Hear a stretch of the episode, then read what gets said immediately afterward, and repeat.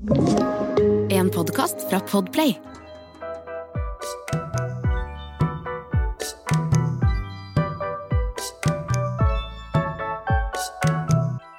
I denne podkasten så ønsker jeg å invitere damer som eh, er inspirerende, som jeg tenker vi kan lære noe av. Og ved siden av meg nå så har jeg en dame som jeg er helt sikker på vi kommer til å lære masse av. Forhåpentligvis hjelpe oss litt gjennom en kanskje litt tung og mørk høst også. Du er lege og forfatter. Du har skrevet Endorfin som medisin, ikke bare en følelse, altså en bok som eh, du ga ut nå nylig. Og veldig snart så kommer det en PMS overlevelsesguide. Velkommen, Aili Kristina Hannisdal, også kjent som Endorfinlegen på Instagram. Tusen takk. Det var en veldig fin intro. Ja, du har gjort uh, veldig mye, og det er, uh, du er aktuell rett og slett med to bøker, du nå. Rett og slett med to bøker. Ja, det ble sånn. Du har stått på i sommer. Jeg har stått på i sommer. Og litt før sommeren òg, da. Men har du klart å kjenne på lykkefølelsene? Du, jeg har jo det. Eh, og også masse annet, da. Det, det, er jo Noe av det jeg er opptatt av, er jo nettopp det at det er veldig sjelden vi får til det å bare føle på den lykkefølelsen, og at det å ha den forventningen, hvis man tenker at det er det man liksom skal, så kommer man kanskje glipp av den, rett og slett. Mm. For det hører jo med alt det andre òg, så jeg kan love at det har vært At det har vært hele følelsesspekteret. Jeg gleder meg til å dykke ned i følelseslivet, både ditt, men også det at du har på en måte blitt en ekspert på disse følelsene våre, som Hvis jeg forstår det riktig, så er det det der å Jo bedre vi forstår følelsene, jo mer kan vi kanskje også styre de litt og bli bedre på Ja, kanskje få det litt bedre, rett og slett? Ja, Enkelt forklart, kanskje? Enkelt forklart. Jo, men jeg liker veldig godt de enkle forklaringene. Uh, og, og, jeg tenker jo det at det er akkurat det det handler om. Ikke sant? Vi vil jo, vi vil jo gjerne ha mer av det gode. Og, men så handler det litt om hvordan vi gjør det, da. Ikke sant? Fordi som du da vet, så er jeg opptatt av lykkefølelsen og de gode følelsene, hvordan vi kan få mer av det. Men at vi også i jakten på lykken så kan vi gå oss litt vill, og vi kan på en måte kanskje ende opp med å skape mer av det vonde, da, hvis vi liksom gjør det på litt feil måte, hvis man kan si det. Mm. Ja. Mm. Så det har jeg lyst til å bruke min stemme til, for jeg har jo gjort det samme selv. Ja. At det har gått fra å prøve å, å, undertrykke alt det som er ubehagelig og vondt, og egentlig ikke skjønne noe av følelser i det hele tatt. Jeg tror jeg skriver i den boka at jeg så for meg, så meg selv som et slags følelsesmessig analfabet eh, for noen år tilbake til å bare gå sånn all in. Bare OK, nå, nå, må jeg skjønne det, liksom. Hva er det med disse følelsene? Kan du fortelle det øyeblikket du forsto at uh, jeg ikke har det så bra? det er jo, På mange måter så er det jo flere øyeblikk, uh, men for min del, akkurat i denne runden, så var det faktisk et ganske sånn konkret øyeblikk. Um, og da må vi tilbake til 2018, uh, som jeg også skriver mer om i boka, da, i detalj, men, men du kan si jeg var på et sted hvor alt lå veldig til rette for at alt skulle være veldig bra, at jeg skulle ha det bra. Men i dagboka mi så hadde jeg skrevet Jeg har så utrolig mye. Jeg burde være glad, så hvorfor føler jeg ingenting? Mm. Så jeg satt Jeg husker det veldig, veldig godt. Jeg satt aleine på en brygge og hørte på musikk. Og så satt jeg liksom og lurte på det her. Hvorfor føler jeg ikke noe? Hvorfor, hva er det som gjør at jeg har det sånn? Og så var det noe jeg har tenkt egentlig for lenge siden, eh, for jeg har jo også en historie med at jeg har gått andre klasse på videregående skole to ganger, for jeg droppa ut av videregående, eh, og jeg også, gikk også ut av videregående skole uten et komplett vitnemål. Så jeg hadde en sånn litt lignende runde da, hvor jeg husker at jeg, det gikk liksom opp for meg at det er på en måte vi selv som må gjøre livet vårt bra. Det, andre, det, kommer på en måte ingen og fikser det for deg. Mm. Så uansett hvor mye bra mennesker du har rundt deg eller ikke, så er det liksom opp til deg, da. Mm. Eh, og så gikk det liksom litt opp for meg på nytt, men på en litt ny måte, for da skjønte jeg det at det, det er jo bare jeg som har kontakt med mine følelser. Mm. Sånn at ingen andre kan gjøre akkurat den jobben med å kjenne på de følelsene. Og fordi at ingen andre kan gjøre akkurat det, så er det heller ingen andre som kan fortelle meg eller vite hva som faktisk gjør meg glad. og hva som er bra for meg, og hva jeg trenger å ha i livet mitt rundt meg, på en måte, eller hva jeg trenger å holde på med for å kjenne at jeg lever, da. Så det var en sånn Det var faktisk en sånn Ok, jeg skjønte det. Og jeg skjønte at nå må jeg gjøre noe. Nå må jeg liksom Ja. Ja, for det er kanskje lett å tenke at uh, det er det rundt som styrer hvordan vi har det, og man tenker at åh, oh, nå er det ikke bra, det er på grunn av den situasjonen, eller på grunn av mm. den kjærlighetssorgen, eller ikke sant. Men som du sier, den å gå inn og på en måte Det er kun du selv som har de følelsene, så kanskje også du må begynne der. Det er akkurat det, for jeg tenker på mange måter at følelsene våre, de er litt sånn vårt indre anker, og vi trenger den kontakten med oss selv, og så er det sånn at det er jo ikke så rart at vi gjør det, men det vi ofte ender opp med å gjøre, er at vi søker rundt utover etter alle mulige svar, da, eh, på hva vi skal gjøre, hvordan vi skal være, og vi sammenligner oss, ikke sant, vi søker på den måten istedenfor å søke innover og kjenne etter ok, men hva er det som er mine verdier, hva er det som er mine drømmer, hva er det mine følelser forteller meg? Eh, og så er det jo bare det at det er også en treningssak, da, for det er veldig mange jeg snakker med om dette her som blir Hvor det første spørsmålet er sånn ok, men jeg får ikke kontakt med de følelsene. Mm. Hvordan gjør jeg det? Og det skjønner jeg veldig godt, for jeg har jo gjort akkurat den reisen selv, ikke sant. At ja. ok, hvor begynner man? Mm. Og hvor begynner man? Godt spørsmål. Og da har jeg så innmari gjerne skulle ønske at jeg kunne si at det finnes en sånn quick fix eller en sånn enkel løsning på det, og så er jeg vel egentlig blitt mer og mer opptatt av liksom tvert imot å si at det er faktisk ikke så enkelt. Um, det er mulig, vi, vi, kan få til det, men det krever på en måte at vi må være villige til å gjøre et stykke arbeid for å bli kjent med oss selv og øve.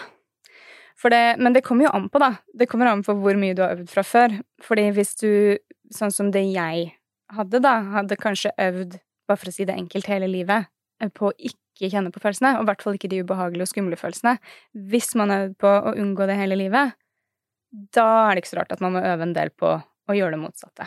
Og når du sier da øve, så betyr det å kjenne virkelig mm. etter, mm. og prøve å forstå hva er det jeg egentlig føler? Mm. Så enkelt som det. Ja. Men det. Men det handler jo om det å istedenfor å kanskje fylle opp hverdagen og jage videre og liksom um, Kjøpe noe, spise noe, drikke noe Du skjønner hvor jeg vil hen. Se på mm. mobilen, ikke sant. Alle de tingene som jeg også kan gjøre, selvfølgelig. Men, men øve på å stoppe opp og bare Hæ, hva føler jeg?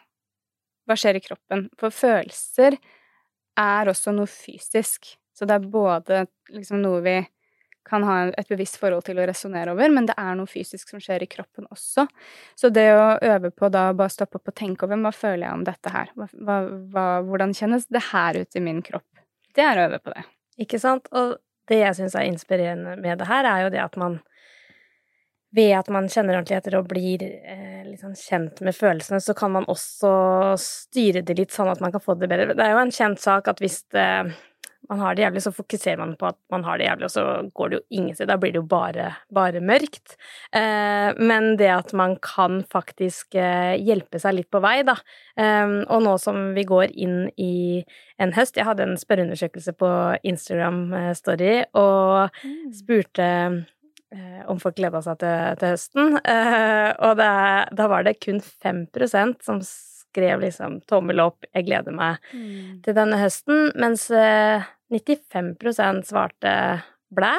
Eh, ikke sant? Og det, det, er et høyt tall, da. Mm, og vi har hatt en sommer, eh, mange klager jo på været. Det er jo én ting at man kanskje ikke har fått eh, påfyll av, av sol og varme, men eh, at høsten har kommet litt eh, fort i år, og vi blir bedt om å spare penger, og ikke sant Og det, det gjør noe med oss, da. Så her håper jeg at du kan komme inn og rett og slett eh, eh, guide oss litt, og gi noen også konkrete tips til hvordan vi rett og slett kan, eh, kan få det litt bedre. Eh, og du skriver jo om uh, endorfin som medisin, så kanskje du først kan bare på en enkel måte forklare hva er endorfiner? Ja, det, ja for det er den første boka. Um, og da kan Hvis vi skal forklare det enkelt, da, siden vi er enige om at det er en god greie, så du kan si vi har De fleste er vant til å tenke på at vi har hormoner. Og de produseres et sted i kroppen, og så transporteres de med blodet til et annet sted i kroppen, og så virker de på en eller annen celle eller kjertel der sånn at man får en eller annen effekt. Mens endorfiner det er noe som egentlig kalles en nevrotransmitter. Så det er signalstoffer i hjernen som virker i nervesystemet vårt, og som veldig forenklet kan vi si på en måte at det, det henger sammen med hvordan vi føler, da. Eh, og så har vi masse andre sånne nevrotransmittere. Du har sikkert hørt om dopamin og serotonin og oksytocin og adrenalin. Det er masse sånne stoffer. Det fins egentlig flere hundre. Men... Så sånn fin cocktail? En sånn fin cocktail, og det er akkurat det jeg liker å sammenligne med det òg. At hvis du ser for deg på en måte eh, Ja, det her som en eller annen cocktail med en eller annen sammensetning av alle disse stoffene. Eh, så kan du se for deg at hjernen din og hjernecellene dine bader oppi den cocktailen. Sånn at avhengig av hva du føler, så er cocktailen litt annerledes, eller humøret ditt og følelsene dine, da, for det henger veldig sammen. Mm. Og da kan du se for deg at det, når vi ser på hverandre nå, eller hvis du tar en slurk av det vannet der, eller når vi er ferdig, eller når du går bortover gata, så endrer den seg litt hele tiden. Mm. Og, eh, så er det selvfølgelig fryktelig mange ting som påvirker den følelsescocktailen vår. Og det gjør også hormonene. Mm. Og det gjør sollyset. Og den endrer seg når vi hører på musikk, ikke sant, og når vi mm. trener og hva vi nå holder på med, så endrer den seg litt hele tiden. Men en av de tingene som har veldig stor betydning, det er jo sollys. Mm. Og søvn.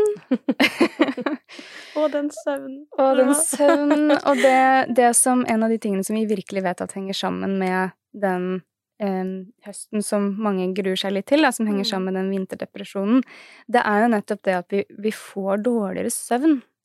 Vi får mindre sollys, vi får mindre vitamin D, vi får dårligere søvn, eh, og så kan det bli for noen en litt sånn negativ spiral, på en måte, litt sånn negativ runddans hvor det ene liksom gjør at det andre blir litt mm. verre, og så videre.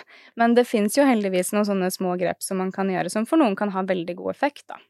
Men øh, dårligere søvn Altså, jeg tenker at når høsten kommer og vinteren kommer, så går vi kanskje litt i dvale, at det blir øh, mer, øh, mer, søvn. Men du tenker at det blir dårligere søvn, men kanskje man Selv om man sover ja. lenger, eller hvordan er det? Ja, det er akkurat det, fordi det er jo veldig mange som kan oppleve at de blir trøtte og derfor sover eller ligger mye lenger i senga. Ja. Men det er akkurat sånn at søvnkvaliteten kan bli dårligere, fordi det På sommeren så er det jo sånn at det er lyst mye lenger. Så når man står opp, så er det jo gjerne kjempelyst. Og veldig mange går ut, særlig nå har vi fått veldig mye gode råd om det i sosiale medier i det siste også, at man skal gå ut og liksom få disse ti minuttene med sol mm. på morgenen.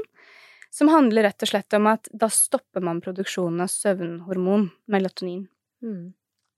Eh, og, og, så trenger vi også å få, få mørket på kvelden, sånn at søvnhormonproduksjonen får lov å begynne igjen. Mm. Mens på vinteren så skjer jo ikke det. Vi står opp, og så er det mørkt. Så er det mørkt kjempelenge, og så, og så er det litt sånn at gjerne at vi sitter jo med skjermene langt utpå kvelden, ikke sant, som med dette blålyset og Det tror jeg det er veldig mange som har lært veldig mye om i det mm. siste. Men, men, da på en måte får vi ikke den bråstoppen av produksjonen, så den på en måte fortsetter å gå litt, kanskje. Og så får man heller ikke den eh, liksom kickstarten hvor liksom lyset skal bli borte. Mm. Dette hormonet kalles jo også mørkets hormon, fordi vi får økt produksjon når det blir mørkt. Men akkurat det her er jo en av de tingene som vi kan bruke når vi vet det. Um, og for veldig mange så kan eksempel det å skaffe seg en sånn lyslampe ha en kjempegod effekt. Ja, det var det jeg tenkte på. Nå sitter vi, og det er noen lyslamper her, liksom. Kan man bare skru på den og så jukse det til? Du mener at man kan det? Man kan det, men det kommer veldig an på Altså, man er avhengig av å ha en god lampe, men nok styrke til at det har den effekten man ønsker, da. Ja, så ikke bare en sånn herre du har ved siden av senga som er 40 watt, liksom. Du trenger en ordentlig Det gjør dessverre ikke helt jobben. Nei. For det, i forhold til hvis jeg skal sammenligne det med dagslys, da, som er så utrolig mye sterkere enn en sånn lyslampe igjen, mm. så er det liksom Det er derfor vi må gjøre litt god research, og kanskje noen snakke litt med legen sin og liksom bare avklare er det det jeg skal gjøre. Men for de som hvor det er denne lysmangelen på en måte som gjør det, så kan man ha kjempeeffekt. Og det er noe jeg også har opplevd. Jeg, før jeg begynte å ta opp fag for å komme inn på medisin, så hadde jeg hatt mange sånne høster hvor jeg ble sånn kjempetrøtt, kjempevanskelig å konsentrere seg med en gang høsten kom, og ble ofte veldig fort forkjøla. Veldig mm. sånn alle de tingene, liksom. Sånn mm. yes. Deilig. Klar for høsten. Klar for høsten. ja. Og da husker jeg at for meg var det bare en sånn oh wow, det bare gjorde en forskjell nesten med en gang. Veldig mange må jo bruke det litt før man får en effekt, men for meg var det bare sånn ok, der har vi en ny, Ny fast uh, morgenrutine. Ja, det er kjempeinteressant, og det gir uh, veldig mening. Og du sier mange har jo lært det der med ikke skjerm, men fortsatt så kan jeg ligge og scrolle i senga eller lese nyheter. Altså, er det mulig? Man vet at det ikke er bra. Uh, så min kjære hjemme er sånn Merete, nå må du faktisk være litt streng med deg selv. Så det, er det noe vi kan Ting vi vet, da, som er bra for deg, men det er fortsatt vanskelig. Har du noen tips for å klare å gjennomføre? Eh, der tror jeg egentlig kanskje at um, noe av det viktigste er å prøve å ikke gjøre alt på en gang. Ja. Jeg vet ikke om du kjenner deg igjen i det, da, men, men, uh, men det er ofte lettere hvis man liksom gjør litt sånn én og én ting, og at man har bestemt seg litt for hvor lenge man skal prøve det. Fordi jeg kjenner meg også veldig igjen i det der. Jeg også vet veldig, veldig godt hvor dum effekt den eh, mobilen har. Um, men men hvis ikke jeg har bestemt meg for det, på en måte, hva skal man si, laget en liten sånn challenge til meg selv, så er det mye vanskeligere, syns jeg, å gjennomføre det.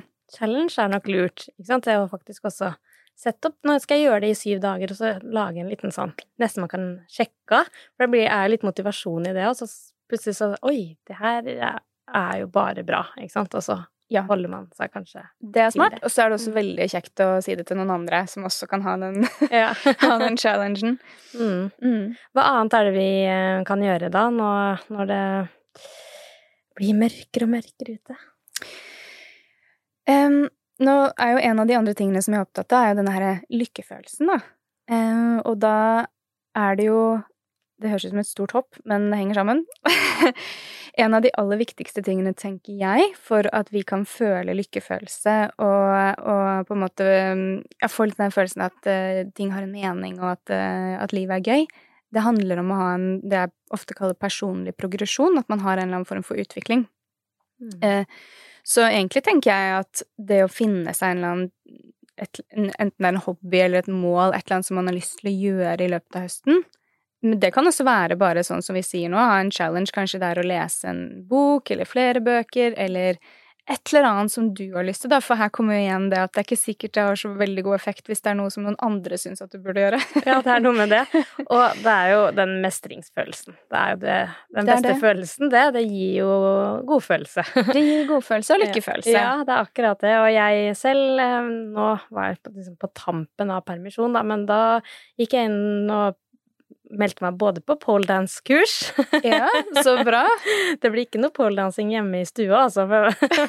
men, men, bare det å lære seg noe nytt, det var det som var gøy. Det var derfor jeg gjorde det. For det var sånn, ok, det her har jeg aldri testa før, og eh, så gøy. Og så gjorde det jo kjempevondt, men spilte ingen rolle, ikke sant. Fordi bare det å få en mestringsfølelse på noe man aldri har testa før.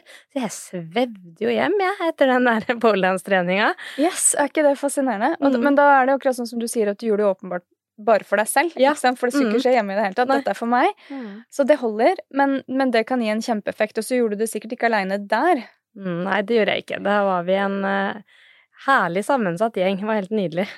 ja, og det er akkurat de to tingene der, når det, man snakker om lykkefølelse, som på måte, på mange måter, syns jeg, da har av og til fått et litt sånn ufortjent dårlig rykte, fordi at mange tenker på det som noe litt sånn overfladisk, kanskje, og det er jo kortvarig. Altså, vi er ikke lagd for å være lykkelige hele tiden. Absolutt ikke. Men allikevel så tenker jeg at den lykken og den følelsen er liksom noe av det som kan guide oss og hjelpe oss å eh, som jeg pleier å si, skape et liv som inneholder mer av det som gir oss mening og lykke, da. Mm. Så jeg tenker at det er viktig å, å, kjenne etter hva det egentlig handler om. Men, men, nettopp for å få det, så er det de to tingene der.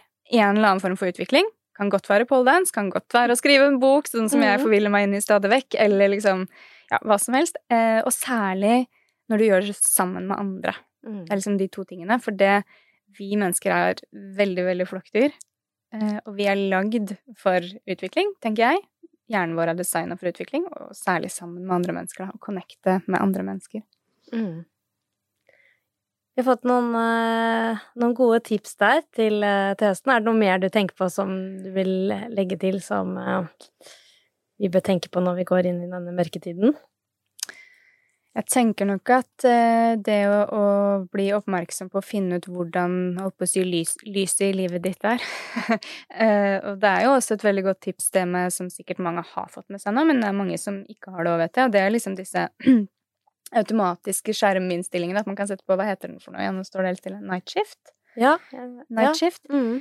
Eh, ja, at man kan sette på night shift på mobil, og også skjerm hjemme, altså PC, Mm. eh, sånn at det skjer helt automatisk. Hos meg så har jeg det liksom på fra klokka sju. Bare virkelig sørge for at, at etter klokka syv så får du søvnhormonet lov til å begynne å jobbe litt, da. Og så tenker jeg sånn utover det, så handler det veldig mye om det å liksom finne sine ting. Fordi at vi er ulike, så de samme tingene kommer ikke til å gjøre meg og deg glad. Mm. Eh, men, men det å finne sine ting som funker, enten det er trening, eller det er å snakke med noen, eller det er å strikke en ny genser, eller liksom hva det nå er, så handler det veldig ofte om at hvis man Sånn som du sier, nå er det, nå er det mye endringer, det er mange liksom som kan bekymre seg for ting. Så det å finne en sånn, jeg kaller det knapp, jeg, en måte å skifte fokus litt på.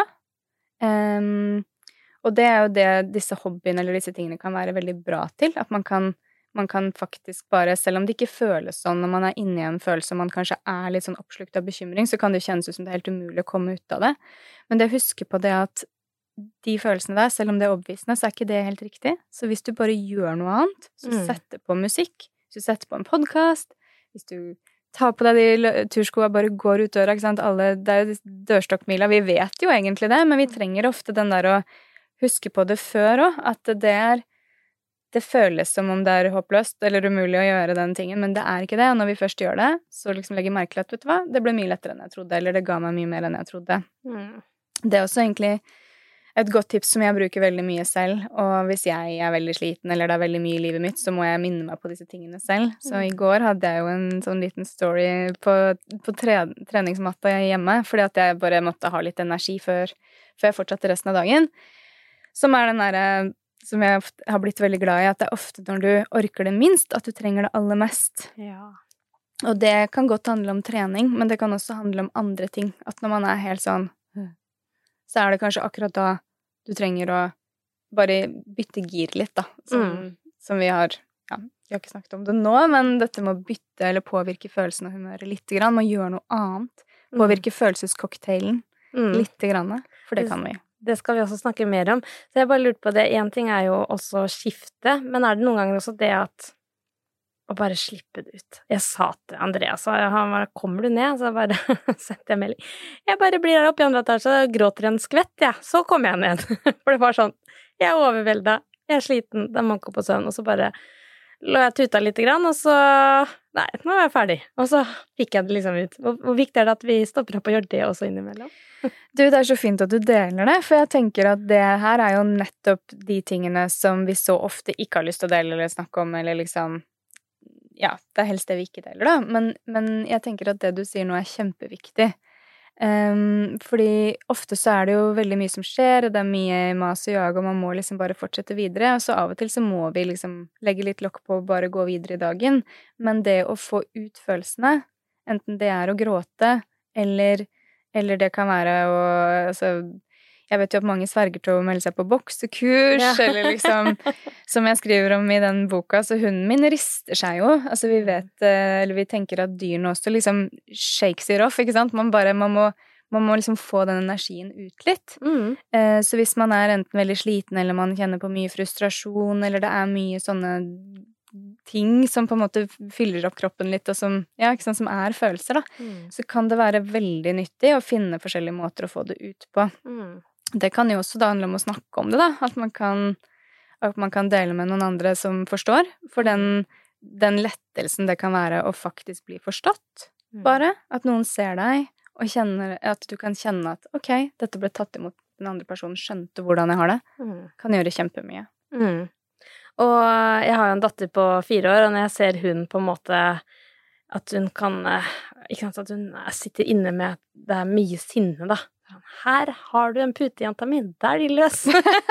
og så får du liksom lov til å jule opp puta, da. og så går det litt over etterpå, og så tenker jeg sånn Det der burde jo jeg gjøre innimellom òg. Ja, det tror jeg vi alle burde gjøre innimellom, faktisk. Mm. Så det er noe i det å bare Ok, innimellom så trenger de følelsene å komme ut. Men det å snakke med noen også, det er jo den beste kombinasjonen når man tar på seg tursko, eh, for min del, og får snakke litt uavbrutt med en venninne. Og man kan lette på, på hva man måtte ha på hjertet. Det er eh, om det så bare er for å eh, skravle litt, eller om det er eh, følelser der inne man trenger å snakke om, så Åh, det er så deilig følelse. Da jeg, kan jeg bli et nytt menneske når jeg kommer inn døra igjen. Ja, men den verdien av å bli forstått, og den følelsen som det gir Altså for meg er det også en av de aller beste knappene jeg har, hvis det liksom virkelig har bygd seg opp, og jeg bare kjenner at nå liksom er det helt sånn Trykkokeren er helt full, så er det jo akkurat det å snakke med noen som kan forstå bare Ja, men bare ta det imot litt. Da faller jo skuldrene ned liksom 14 hakk. Og det Mm. kan skje fort også.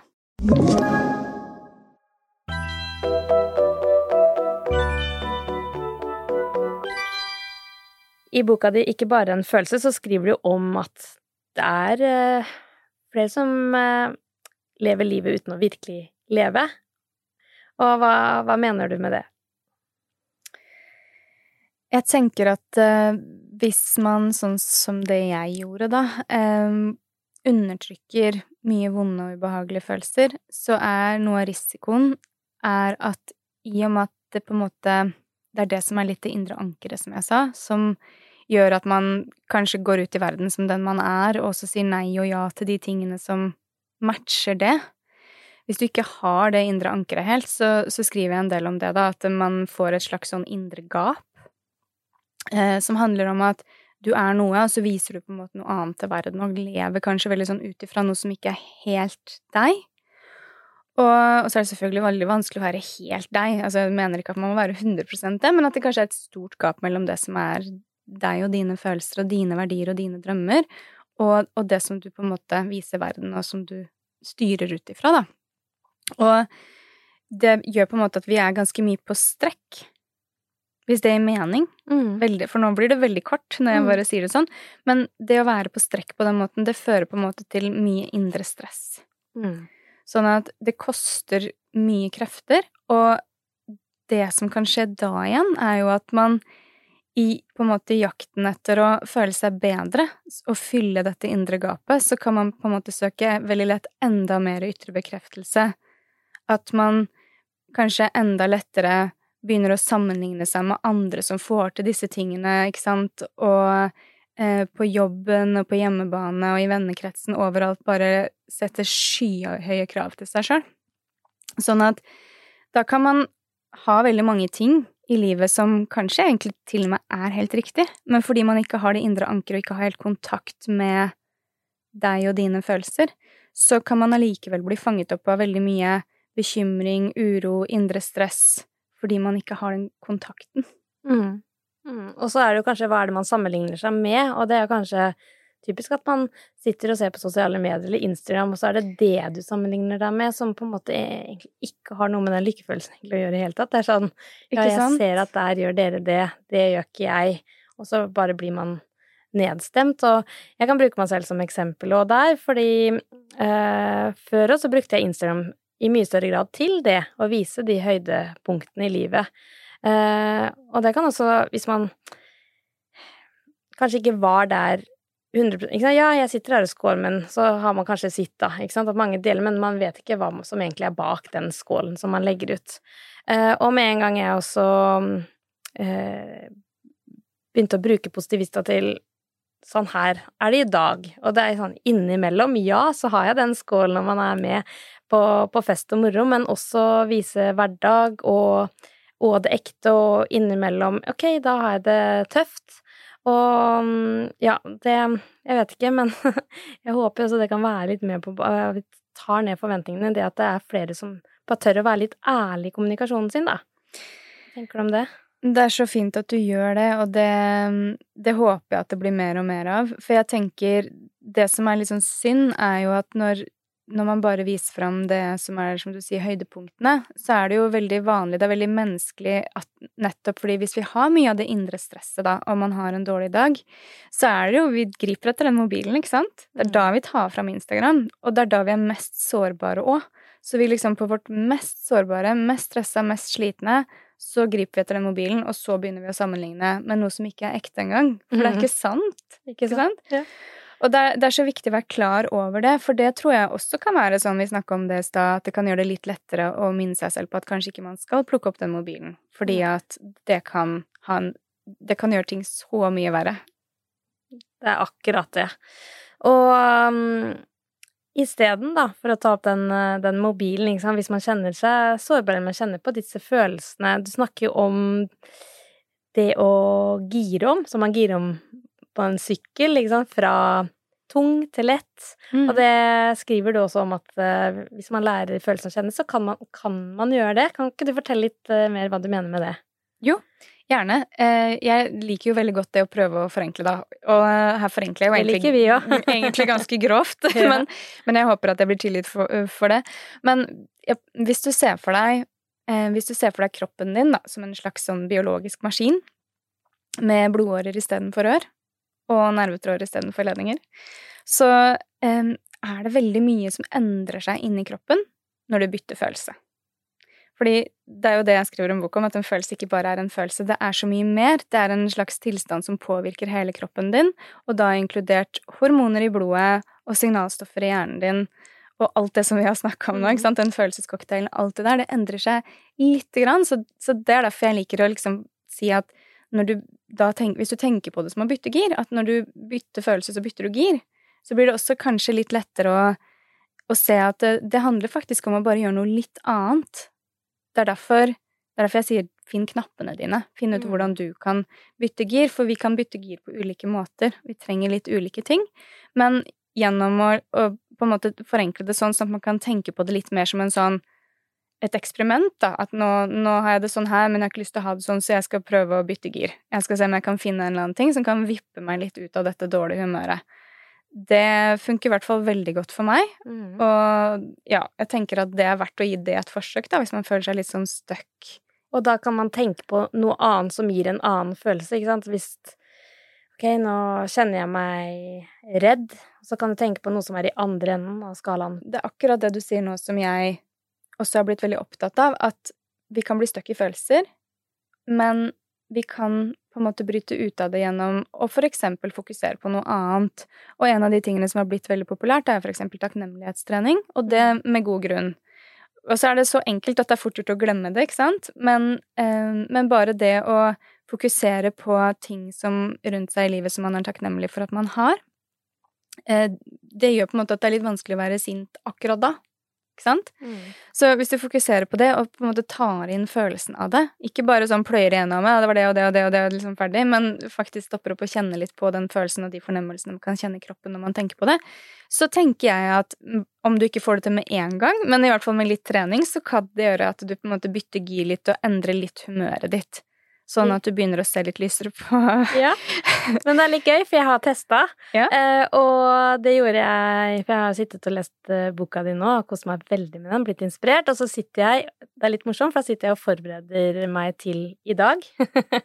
og klokka blir masse, så tenker jeg nå må jeg fort må få sendt over notater til deg. Bare sånn liksom Ok, dette har jeg lyst til å spørre deg om. Og så ser jeg klokka nærmer seg ti. Kjenner på stress. Nå må jeg egentlig sove, jeg skulle jo egentlig legge meg på matta og strekke litt, og nå rekker jeg ingenting, og det var noe annet deadline, ikke sant, så begynner jeg, begynner jeg. Så sier jeg til Andreas, nå kjenner jeg, nå blir jeg stressa, ikke sant, da prøvde jeg å kjenne at nå kjenner jeg at den stressfølelsen kommer. Begynte jeg å bli stiv, begynte jeg liksom syn liksom synke litt sammen eh, foran Mac-en. Så jeg, hjelp meg nå med takknemlighetstrening. Og så sier han, ja, det skal jeg gjøre, skal jeg gi deg noen eksempler? Så ramsa han opp ting i livet som han vet jeg setter pris på, som er takknemlig for, som jentene, vi er her i dette huset, jeg elsker deg. Og så bare sa han noen, noen sånne ting, og jeg bare Oi, vet du hva? Nå skal jeg ferdigstille det her, og så skal jeg gå og legge meg. Og så holdt jeg på en effektiv eh, 20 minutter til, og så gikk jeg og la meg. Eh, tok en liten strekk også på vei opp, og det fungerte så det var liksom sånn det, Fra å være så stressa i kroppen til å faktisk, som du sier, nesten sånn gire om, og så funka det. Ja. Og det her er sånn man skal gjøre Ja. hver gang man kjenner Hver eneste gang. Ja. Men det er også viktig det at man og, altså, I forhold til at det er jo ikke alltid at man får det til heller, ikke sant? Nei. Og den, den akseptdelen av det, at, at vi av og til så har vi bare en dårlig dag.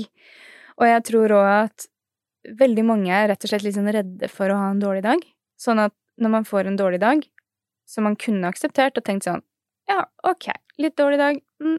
Må gjerne liksom Man kan jo gjøre alle de tingene, for det kan som takknemlighet eller andre ting, for det kan endre det, og man kan, kan få bedre humør og me- mer energi. Men det som også kan gjøre det verre, er jo nettopp å bli redd for den dårlige dagen. Ja.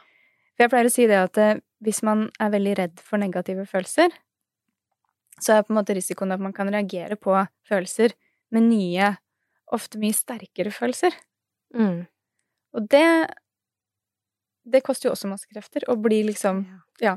Det blir, kan også bli en sånn spiral som går litt feil vei, da. At du på en måte går inn og Nei, jeg skal ikke ha denne dårlige Jeg skal ikke det, jeg skal ikke det. Og så, og så på en måte stresser man det at man ikke skal Ja. kjenne på de følelsene, istedenfor å jobbe seg litt gjennom det. Ja, det er akkurat det. Ja. Mhm. Ja, og også å liksom tenke for seg selv at det både gode, altså positive og negative følelser er en naturlig del av livet. Det er ikke Mm. farlig, det går over igjen.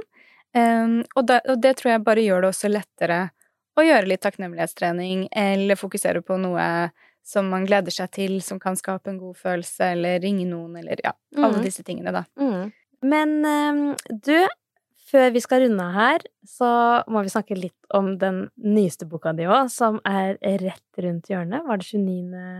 august den kommer ut? 29. august, ja. Ja. Og det er rett og slett en overlevelses-PMS-guide. Ja. Din ultimate PMS-overlevelsesguide, så langt som det.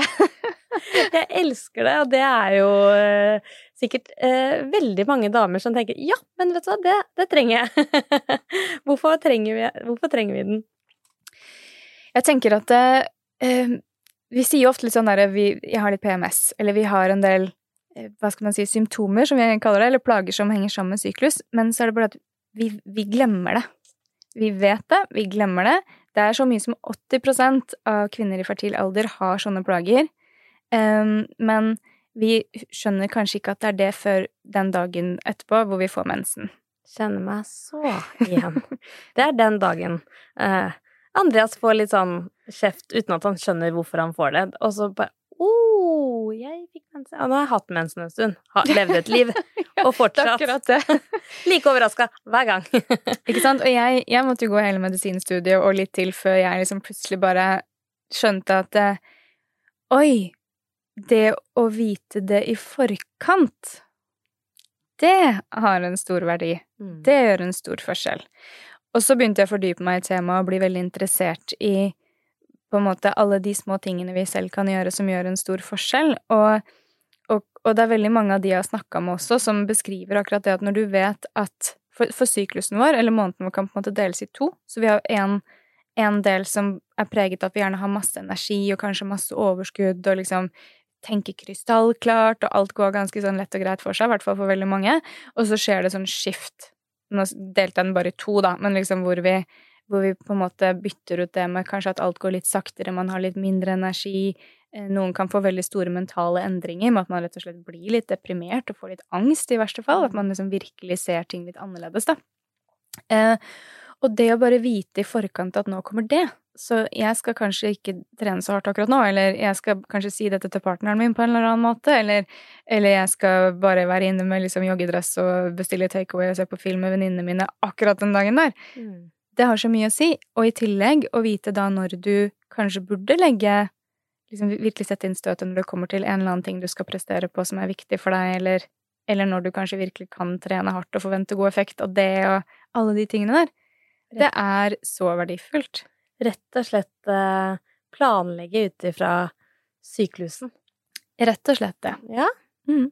Det her høres ut som vi kan eh, snakke mye mer om, så da tenker jeg kanskje jeg vi kan også. komme tilbake, så kan vi ta en episode til senere. Det vil jeg veldig gjerne. Helt fantastisk å ha det her. Sånn på tampen, har du et eh, siste eh, råd til de som kanskje tenker nettopp at åh, jeg gruer meg til den høsten her. Ja, igjen, sjekk hva som er verst, tenk på hva som er verst først. Er det søvn, vurder, snakk med legen din om vitamin D eller lyslampe eller liksom disse tingene her. Eh, men, men mitt aller beste tips vil være dette med å finne ut noe som gir deg en eller annen form for utvikling. Fordi at jeg tenker at det kan skape mange sånne små stykker med lykke, sånn at vi liksom får den derre gode følelsen litt oftere, og, og særlig når vi finner, finner på et eller annet sånt prosjekt sammen med noen andre. Så det ville jeg gjort. Rett og slett en life hack. En life hack. Og så er det jo det at eh, man kanskje også bør eh, skaffe seg boka di, ikke bare en eh, følelse. Du har til og med noen sånne mm, oppgaver i den sånn at man kan lære seg litt bedre å kjenne. Det syns jeg var veldig, veldig gøy, så den Ja, så anbefaler jeg. Og så hvis man ikke følger deg på Instagram, så bør man gå og sjekke ut Endorfinlegen. Der deler du også masse gode tips. Tusen takk. Det er Mhm. hyggelig å høre at du syns det. Ja. Så får du komme tilbake neste gang, så får vi snakke litt mer om eh, PMS og hvordan vi skal takle, takle det. Da blir det neste runde. Ja. Ja. Jeg gleder meg. Tusen takk for at du ville komme. Tusen takk for at jeg fikk komme. Og hvis du likte denne episoden, så må du gjerne anbefale den til eh, venner eller familie. Kanskje du vet noen som gruer seg litt til høsten eh, og trenger noen gode, råd. Så kan du dele den med de. Ha en fin dag videre.